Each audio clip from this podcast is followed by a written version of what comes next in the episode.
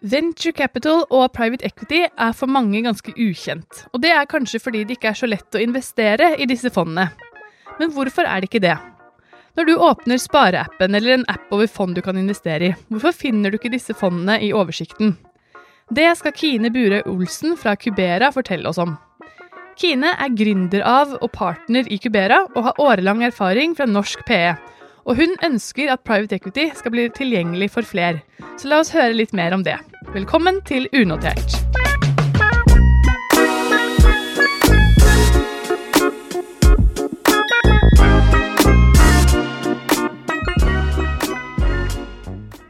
Hei, Kine. Velkommen. Veldig hyggelig å ha deg her.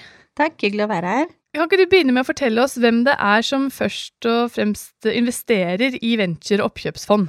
Det kan jeg. Um, men jeg vil bare trekke meg ett steg tilbake først, fordi private equity er jo et veldig vidt begrep, og måten jeg bruker det på i dag, og i mitt virke og dere i, i, bransjeforeningen, så snakker vi om den delen av det unoterte markedet som er i fond. Uh, jeg må bare ta ett steg tilbake da og si at kapitalmarkedet er jo på mange måter delt i to. Du har det som er på børs, altså public equity, og så er det det som ikke er på børs, som er private equity. Og private equity i den bredeste forstanden er jo mye mer enn det jeg representerer. Det kan være kiosken på hjørnet, det kan være Jotun, altså all den kapitalen som er eiet på private hender, men ikke i private equity-fond. Så det er jo fryktelig mange som investerer i private equity, kanskje uten å tenke over det selv. Mm. Eh, er du medinvestor i din onkels elektrobutikk, så er du faktisk også en private equity-investor. Mm. Men de som investerer i private equity-fond og, og Cubera, det er de langsiktige investorene. Private equity er jo satt opp for den lange sparekapitalen. Så de store investorgruppene inn i vår bransje, det er pensjonskasser, banker, forsikringsselskaper, stiftelser og store familier. Eh, og sånn har det vært historisk. Eh, men det er muligheter for mindre investorer også å investere i private equity. Ehm, I Cubera så gjorde vi private equity tilgjengelig for Ola Nordmann allerede i 2006, da vi etablerte vårt første fond. Eh, så vi har hatt ni ulike fond hvor vi har invitert inn mindre investorer. Men det krever noe annet. Ehm, og det det handler om, det er om man er en profesjonell investor eller ikke. Ehm, for er du definert som en profesjonell investor, så kan du investere i alle typer private equity-fond.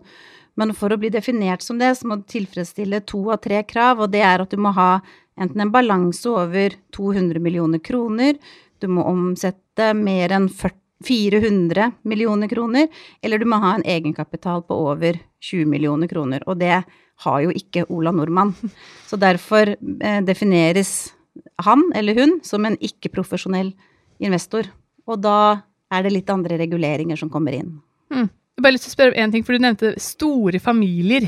Hvem er det?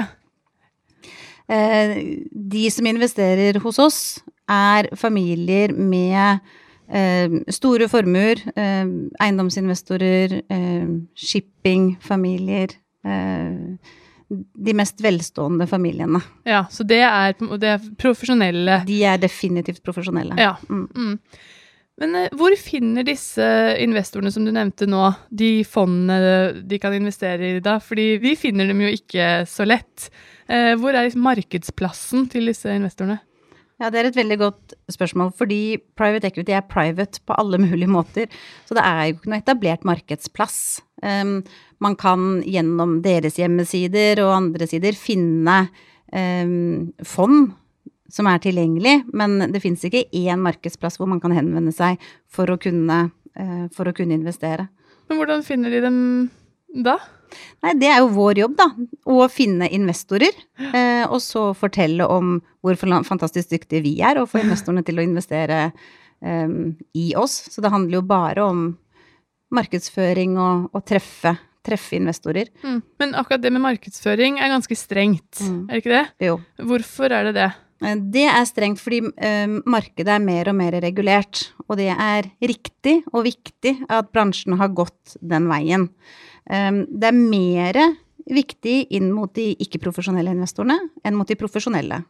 Og det det egentlig handler om, er jo at man skal være sikker på at kundene og investorene skjønner hva de investerer i, at man skjønner den potensielle risikoen som ligger i produktet, og at man skjønner eh, tidsrammen man faktisk, og langsiktigheten da, i de investeringene eh, man gjør. Så derfor, når man skal markedsføre seg mot ikke-profesjonelle investorer, så trenger du markedsføringstillatelse, eh, og det får du gjennom AIFM-direktivet.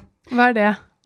Det er da eh, norske Finanstilsynet i Norge, da, som gir en tillatelse til å kunne markedsføre mot ikke-profesjonelle investorer. Og det er en omfattende prosess. Mm. Eh, og det viktigste, syns jeg, i den prosessen, det er at vi som da søker om eh, markedsføringstillatelse, må beskrive vårt produkt og strategi veldig nøye. Men eh, det viktigste, det er at vi også må beskrive kostnadsnivået i hele produktet. Mm. Så det er ikke bare kostnadene f.eks. i Cubera, da, som jeg representerer. Det er også kostnadene ned på fondsnivå. Eh, fordi er det én ting som er viktig ved denne reguleringen, eh, så er det å synliggjøre totalkostnadene. For det er der jeg mener at mange kanskje har blitt litt villedet tidligere. Ok, kan, kan du utdype det, hva du mener med det? Ja, det er Når du investerer i et private equity-fond, eh, så er det ganske lett å skjønne kostnadene. Eh, Når man investerer i Cubera også, så har vi jo lagt på ett lag til. Um, eh, Og det er forklarlig. Og så kommer det kanskje enda en struktur, et feederfond, da, som er som man kan markedsføre mot ikke-profesjonelle investorer. Da blir det plutselig veldig mange lag Mm. med kostnader som skal selges til småsparere eh, som ikke har forutsetning for å skjønne alle disse strukturene. Mm. Og derfor er det veldig viktig at man har en veldig god oversikt over totalkostnadene. Mm. Og det er vel kanskje em, mitt råd også til de som ønsker å investere i private equity, men som ikke er profesjonelle, som ikke jobber med dette, og som ikke skjønner all mekanikken bak. Mm. um, det er å være oppmerksom på kostnadsstrukturen i det man investerer i. For vi har tidligere sett strukturer hvor den meravkastningen som vi kan skape, Mm. har blitt borte på, på veien. Og sånn Mm. skal det ikke være. Men De investorene du har nevnt til nå, det er jo mange store institusjonelle eh, og mange private. Men det er vel også sånn at staten eh, investerer en del i, i private equity og venture? Ja, mange stater gjør det. Eh, Norge gjør det veldig begrenset. Oljefondet investerer jo ikke i private equity. Eh, det er oppe til diskusjon årlig, føler jeg. Mm. Eh, eh, og vi kan, det kan sikkert være en egen podkast Ja. om oljefondet bør gå inn i private equity. Eh, jeg stiller jo litt spørsmålstegn ved det, fordi de er så store, og skal det virkelig få en betydning for deres totalavkastning, så må de faktisk putte så mye penger inn i private equity at Mm. det nesten tror jeg blir et indeksfond, for så stor er ikke vår bransje. Mm. Um, men jeg var selv en av de første ansatte i Argentum, eh, som er statens investeringsselskap for private equity. Mm. Eh, men det er jo et lite investeringsselskap, det er ikke en stor satsing fra staten. Nei. Men de har jo noen andre eh, investeringsselskaper òg. Nysnø, Investinor. Mm. Så sånn totalt sett er det Eh, er det, fortsatt lite? ja, det vil jeg påstå. Eh, jeg syns det er lite, og jeg syns det er for lite. Hvordan, vet, hvordan er det sammenlignet med andre land? Jeg ser mye større aktivitet i andre land, kanskje særlig når det gjelder tidligfase og venture. Mm. Mm. Um, Og så er det jo en annen stor forskjell, da. Og det er at i Norge så står staten for veldig mye av pensjonssparingen. I Ja. andre land så er jo det mye mer privatisert. mm, Eh, I Cubera så er den største investorgruppen vår pensjonskasser. Eh, I Norge er det jo begrenset med pensjonskapital, eller ikke begrenset, men det er mye mindre pensjonskapital da, som forvaltes av private pensjonskasser. Mm. Det meste ligger jo statlig. mm. Men når, eh, når fondet har funnet eh, investorer, da, hvor mye investeres typisk i et WC og eh, oppkjøpsfond? Ja, det er en veldig stor range. Eh, Et nystartet, litt mindre venture-miljø henter kanskje 100 millioner kroner. Mens de aller, aller største eh, oppkjøpsmiljøene, de henter over 100 milliarder kroner. Mm. Så det er en veldig spredning. Ehm, når man begynner å etablere et miljø, eh, så er det første fondet ofte mindre, og så vokser man etter hvert som man reiser fond. Og så ser vi veldig tydelig også at venturefondene er mindre, og oppkjøpsfondene er større. Mm. Men du nevnte jo noen sånne grenser for Eller øh, kriterier som skal til for å kunne regne som en profesjonell investor og, og kunne investere i fondet. Men er det noen nedre grense for hvor mye man For beløpet man kan investere for å måtte få være med? Ja, og det må defineres i den øh, øh, søknaden som man sender til Finanstilsynet. Um, jeg tror at for de fondene vi eh, har reist hos ikke-profesjonelle investorer, så har det vært en nedre grense på noen hundre tusen kroner. Ja. Mm. Mm. Ok, men litt tilbake til eh, denne Ola Nordmann, da. Som eh, jeg jo vet at du, du, ønsker at private equity skal bli tilgjengelig for fler. Hvordan eh, kan man få til det? Mm. Jeg mener definitivt at private equity må bli mer tilgjengelig for Ola Nordmann. Eh, og det har noe med at det er så mye av verdiskapning i samfunnet som skjer utenfor børs. Og da syns jeg det er trist at uh, mine foreldre eller mine venner ikke skal få mulighet til å investere i den delen av kapitalmarkedet. Um, som jeg nevnte i sted, så har vi i Cubera hatt åpninger i nesten alle våre fond for at ikke-profesjonelle investorer skal få investere. Og bare for å illustrere hvorfor jeg mener det er viktig, men også at vi ser en god respons, og at investorer ønsker det selv, da. Eh, det er samarbeidet som vi hadde med Nordea i fjor, hvor Nordea um, åpnet opp egentlig sine kunder da, mot Cubera, uh, og tilbød de å investere i Cubera-fond. Um, og da på to-tre uker så hadde jo de hentet 800 millioner kroner. Um, og det viser litt interessen som ligger også hos, hvis jeg kan kalle det småsparerne, da, eller mm. de ikke-profesjonelle investorene. For det er mange som har sparepenger. Det er mange som investerer i børs, i indekser. Uh, det er mange som har penger i banken. Uh, men som ønsker noen alternative steder å sette pengene sine. Som ikke har lyst til å ha alle pengene sine på børs. Og da er det ikke så veldig mange eh, alternativer. Men alternative investeringsstrategier, da, som private equity, som eiendom, som infrastruktur, det åpnes mer og mer opp også for denne investorgruppen. Og det mener jeg er veldig riktig og mm. viktig. Jeg mener at småsparere bør kunne diversifisere sine porteføljer, akkurat som pensjonskassene kan diversifisere sine, sine mm. porteføljer. Så det er ikke noe tvil om at interessen og appetitten er der. Ehm, men så er det å, å, klare å forme noe som er diversifisert nok, attraktivt nok, eh, enkelt nok, til at det fungerer også for Ola Nordmann. Mm. Egentlig så er det jo bare i et uh, tradisjonelt og litt gammeldags perspektiv at jeg kan uh, si Ola Nordmann hele tiden. For nå er jo Kari Nordmann på full fart uh, inn i investeringsuniverset, hun også. Det stemmer, og det er jeg veldig glad for at du tar opp. For det er sånn at Kari Nordmann har vært i eh, finans og i private equity lenge. Eh, men det er flere og flere karer på vei inn. Um, de pensjonskassene og store institusjonene som investerer i private equity, er jo veldig mange ledet av kvinner. Det er mange av de norske investorene våre som har kvinnelige investeringssjefer. Um, og så vet jeg ikke om du leste Dagens Næringsliv i mars, men der um, var jeg og flere kvinner representert for å diskutere det som skjer i finans rundt likestilling, og at det er flere og flere Kari Nordmanner som kommer inn um, og skal investere kapital, for det er et faktum. Mm. Det er mer og mer formue nå som ligger på kvinnelige hender, og som forvaltes av kvinner. Uh, og da tror jeg at det vil gradvis gjøre noe med hele finansmarkedet. Hvis du er en kvinne som etterspør uh, finansielle produkter, uh, så kanskje du ønsker en litt annen eksponering enn noen menn. Du ønsker kanskje å snakke med kvinner, at det er lettere for deg. Og det vil endre litt hvem som jobber med finans. Jeg tror at flere kvinnelige investorer vil føre til flere kvinnelige ansatte i næringen. Uh, og så tror jeg også at noen produkter kanskje vil endre seg, eller at man mm. kanskje vil få flere produkter.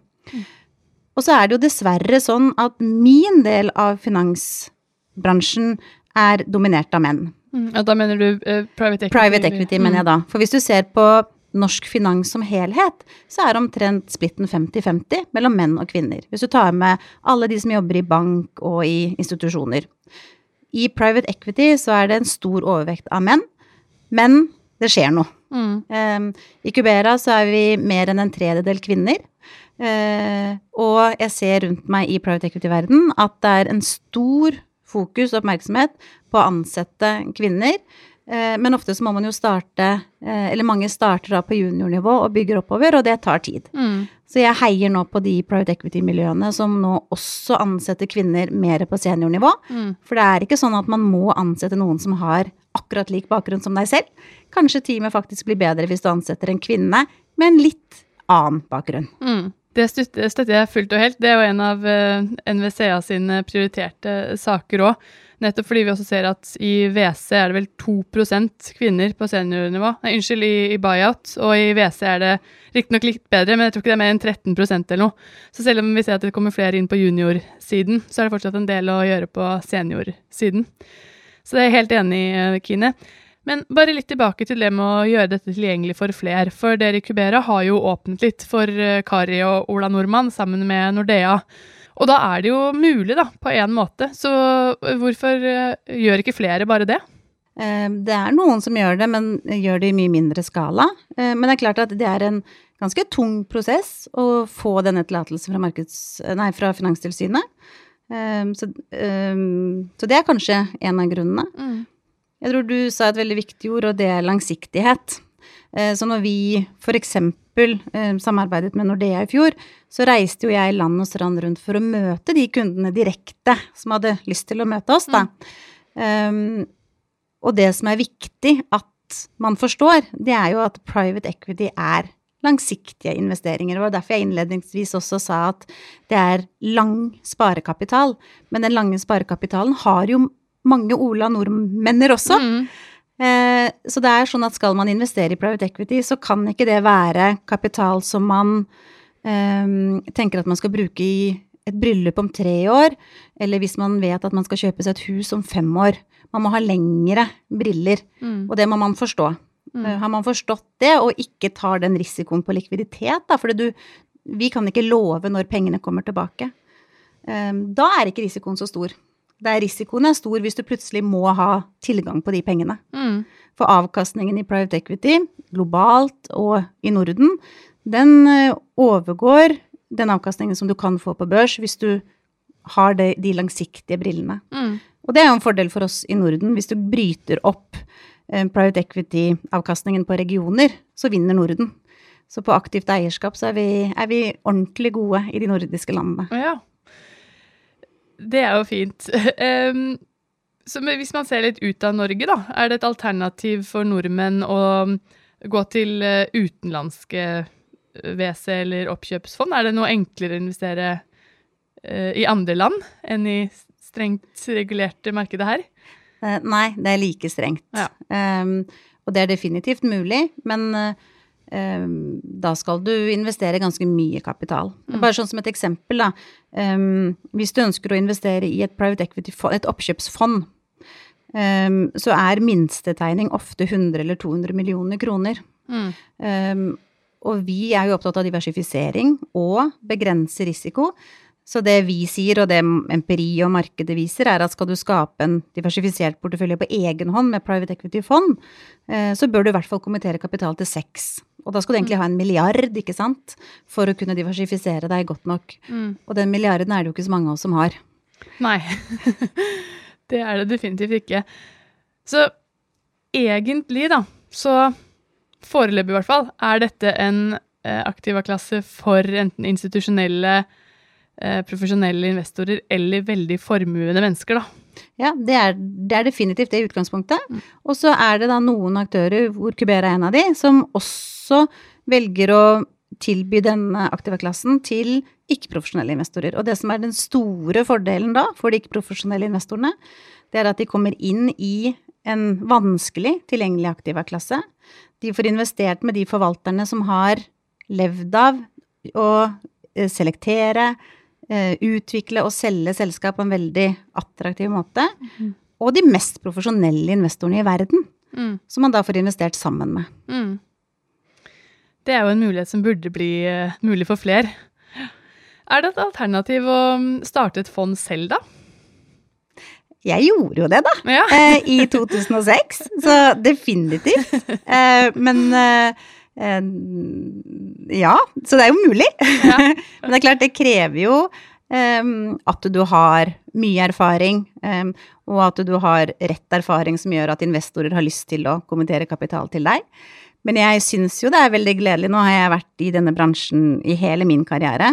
I starten var det lite dynamikk, mens de siste nå fem, seks, syv årene, så har det vært mye mer dynamikk i bransjen i den forstand at det har kommet flere nye miljøer.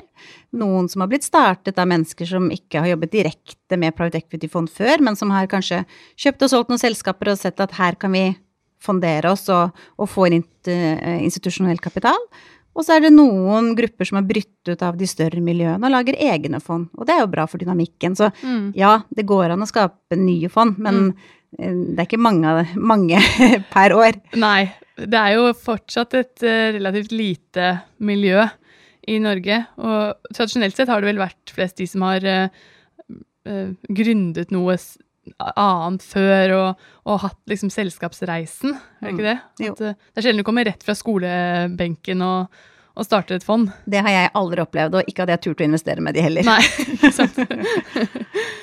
Hvordan, eh, hvis vi skal runde av, da, hvordan tror du eh, markedet bør eh, prøve å tilrettelegge for at flere skal komme inn i, i private equity framover? Hva kan vi som bransje gjøre for at det skal bli mulig for flere?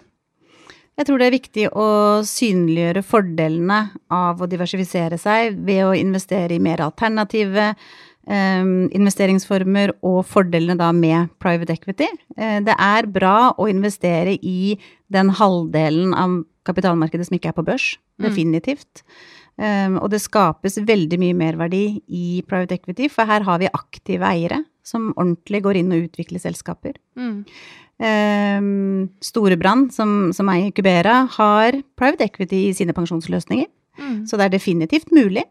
Uh, men ja, på få... den måten er jo egentlig Ola Nordmann med å investere i private equity, da, gjennom uh, med sin egen pensjon. Ja. ja. Og så håper jeg at det blir mer og mer valg rundt det. Um, at man eh, Og det jobbes det med. Løsninger for å gjøre det enda lettere tilgjengelig. For det er klart, um, kundene etterspør det. Og når mm. kundene etterspør det, så har tilbyderen en god tendens til å klare å oppfylle eh, kundenes ønsker. Mm. Bare helt avslutningsvis eh, til det du sa nå. Um, når man har pensjonspengene sine, en liten andel av det i private equity, hva slags mulighet har man til å påvirke uh, bruken av de, de pengene? F.eks. med pensjonspenger i storbrann?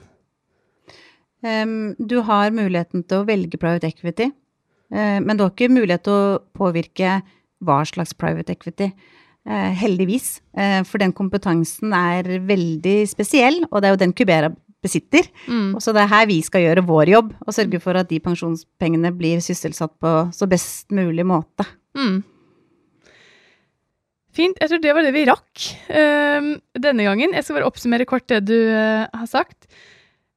Du har nevnt at investorene i disse fondene er langsiktige investorer, som pensjonskasser, stiftelser, forsikringsselskaper og store formuende familier som har profesjonalisert investeringsvirksomheten sin. Det er noen muligheter for Kari og Ola Nordmann eh, hvis man er profesjonell, men det er ganske strenge kriterier for å kunne investere. Eh, man må ha en balanse over 200 millioner kroner, omsette for mer enn 400 millioner kroner, eller ha egenkapital på over 20 millioner kroner. Det er ingen etablert markedsplass, og det er ganske strengt regulert hvordan man kan markedsføre disse fondene, men det er av gode grunner, for det er for å forsikre seg om at investorene vet hvilken risiko man tar, hvor langsiktig dette er, og hva det faktisk eh, koster. Kine håper at flere får muligheten til å være med å investere i private equity, og at bransjen kan gjøre alternative investeringsformer mer synlig for enda flere. Men det er verdt å huske at Kari og Ola Nordmann faktisk investerer i PE um, gjennom at en liten del av pensjonen går inn i private equity. Uh, og så er det viktig å huske at man må etterspørre det, og fortsette å etterspørre det, for at det skal åpne seg enda flere muligheter. Høres det ut som en grei oppsummering? Jeg kunne ikke vært mer enig med deg. så fint. Da sier jeg tusen takk for at du kom, Kine. Bare hyggelig. Og vi høres igjen eh, i en ny episode om et par uker. På gjenhør.